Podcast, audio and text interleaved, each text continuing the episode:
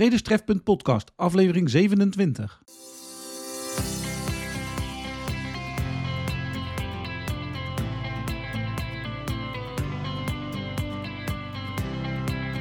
Je luistert naar de Traders Trefpunt Podcast. De podcast voor traders en actieve beleggers. Hier is uw host, Marcel van Vliet. Hey, hallo en welkom bij alweer de 27e aflevering van de Traders Trefpunt Podcast. Zoals al een beetje in de vorige aflevering beloofd, bespreek ik in deze aflevering een aantal manieren om je stoplosorde te plaatsen. Ik zal het niet gaan hebben over de verschillende ordertypes, zoals bijvoorbeeld de stop-limit order, want hierover is op het internet genoeg te vinden en daarbij komt dat ze qua tarieven zowat verschillen van broker tot broker. Maar in deze aflevering benoem ik puur een aantal manieren om het koersniveau te bepalen waarop de reguliere stoplosorde geplaatst kan worden. Na aanleiding van de vorige aflevering had ik een leuk gesprek met Koen uit België over trading in het algemeen en hoe ik tegen zaken als coaching aankijk. Koen, als je luistert, ik hoop dat je het tradingvirus niet kwijtraakt en je door de bomen het bos blijft zien. Voordat we verder gaan met de manieren om de stoplosorde te bepalen, nog eerst even een mededeling van de sponsor van deze show. Ook deze aflevering van de Traders Trefpunt podcast wordt weer mede mogelijk gemaakt door ProRealTime, technische analyse en trading software. Klik op de afbeelding van ProRealTime in de show notes of op de homepage van de Traders Trefpunt website voor meer informatie of om je aan te melden. De Traders Trefpunt Podcast met Marcel van Vliet. Zoals altijd, als ik het over een onderwerp uit de technische analyse ga hebben, eerst een korte uitleg waar het nu eigenlijk precies over gaat. De onder traders en beleggers veelgebruikte website Investopedia definieert een stoplosorde als volgt. Een stoplosorde is een order die bij de broker wordt geplaatst om een effect te kopen of te verkopen wanneer het effect een bepaalde koers bereikt. Stoplosorders zijn bedoeld om het verlies van een belegger op een positie te beperken, maar ook om de winst veilig te stellen, maar daarover later meer. Het belangrijkste voordeel van een stoplosorde is dat het niets kost om de order te plaatsen. De stoplosorde kun je zien als een soort van gratis verzekeringspolis. De commissie voor de order wordt pas in rekening gebracht als de stoploskoers is bereikt en de aandelen moeten worden verkocht. Een ander voordeel van stoplosorders is, is dat je niet per se hoeft te controleren hoe het met je open posities gesteld is. Dit gemak is vooral handig wanneer je bijvoorbeeld op vakantie bent, of zoals in mijn geval een dagje op mijn kleinkinderen Daarnaast voorkomt de stoplosorde ook dat je een beslissing om uit een trade te stappen baseert op emotie. Vooral beginnende traders hebben de neiging om verliefd te worden op aandelen. Ze willen bijvoorbeeld een aandeel nog een kans geven, maar in werkelijkheid zal deze kans meestal alleen maar leiden tot verliezen. Het is niet zo dat een stoplosorde altijd noodzakelijk is. Zo is een stoplosorde wel essentieel voor traders en actief beleggers, maar heeft een buy-and-hold belegger er vrijwel niets aan. Het is dus van groot belang dat je weet wat voor type trader of belegger je bent en daarnaast om te beseffen dat stoplosorders niet garanderen dat je geld zult verdienen op de aandelenmarkt. Je moet nog steeds de juiste beslissingen nemen. Want als je dat niet doet, verlies je net zoveel geld als zonder stoplosorde. In principe zijn er vier stoplosstypes. Dat zijn de confluence stops, volatility stops, time-based stops en de mental stops. We zullen ze één voor één even doornemen. We beginnen met het meest gebruikte stoplosstype, de confluence stop. Voor confluence stops gebruiken traders bijvoorbeeld sleutelgebieden als voortschrijdend gemiddelde. Je weet wel, de ME's uit de vorige aflevering. Steun- en weerstandsniveaus, eerdere highs en lows van de koers, Fibonacci retracement niveaus en trendlijnen of trendkanalen. Het nadeel van confluence stops is dat ze meestal op zeer voor de hand liggende prijsniveaus liggen, waardoor ze kwetsbaar zijn voor het zogenaamde stophunting. Al valt dit voor retail traders als wij te verwaarlozen. Wij zijn gewoon voor de stophunters niet de moeite waard.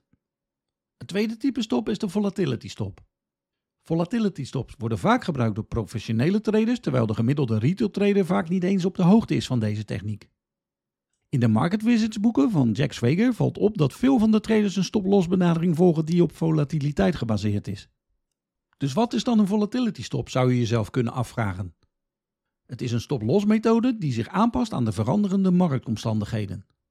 Als de volatiliteit hoog is, wordt er een wijdere stop gebruikt om rekening te houden met grotere marktschommelingen. Als de volatiliteit laag is, gebruiken traders vaak een meer conservatieve stop.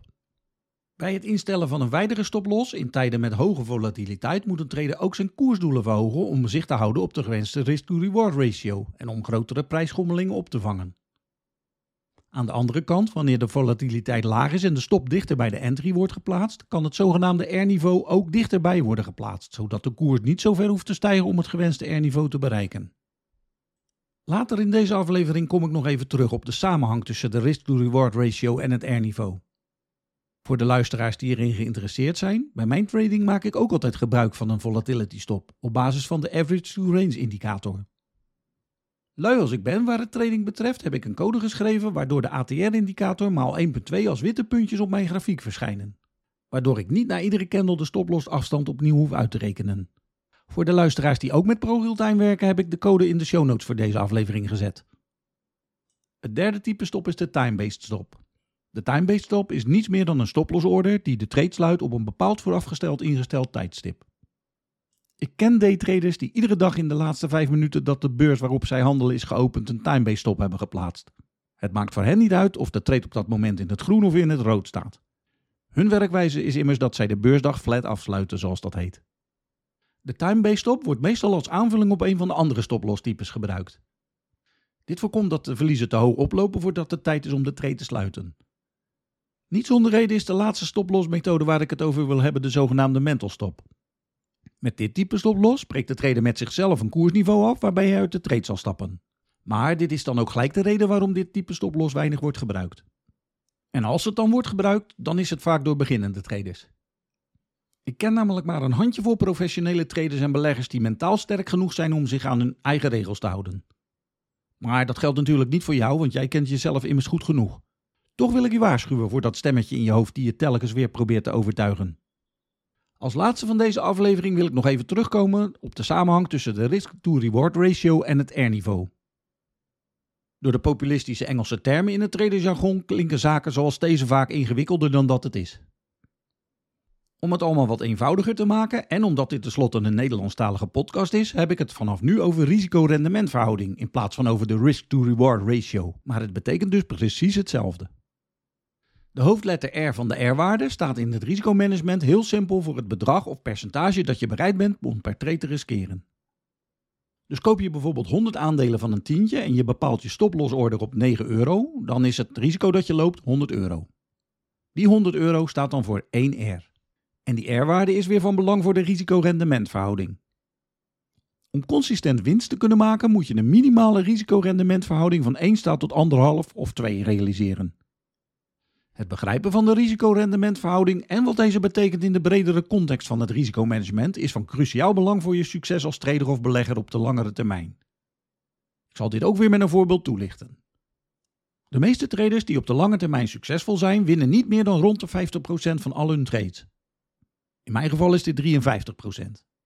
Maar een paar procent meer of minder maakt niet uit, zolang de kracht van de risicorendementverhouding maar wordt benut.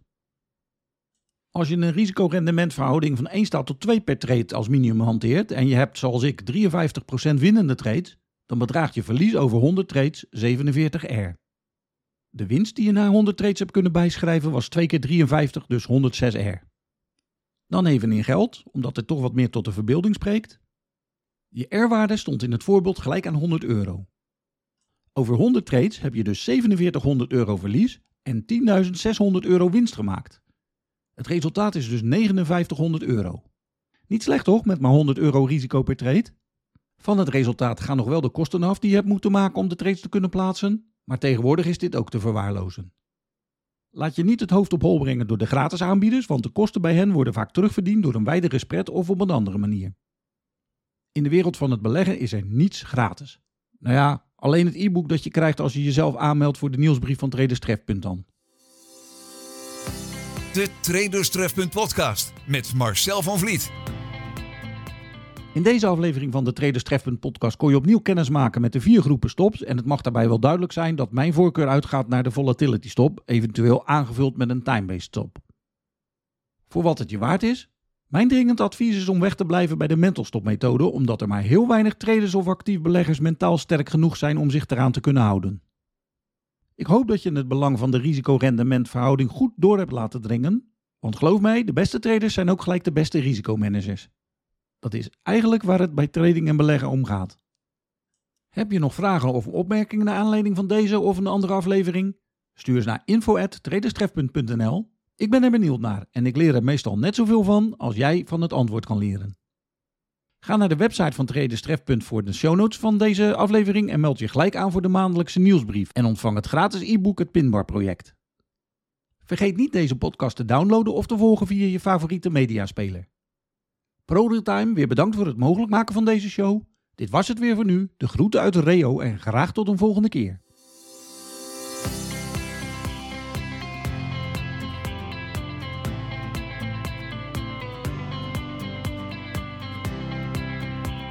Je luisterde naar de Traders podcast.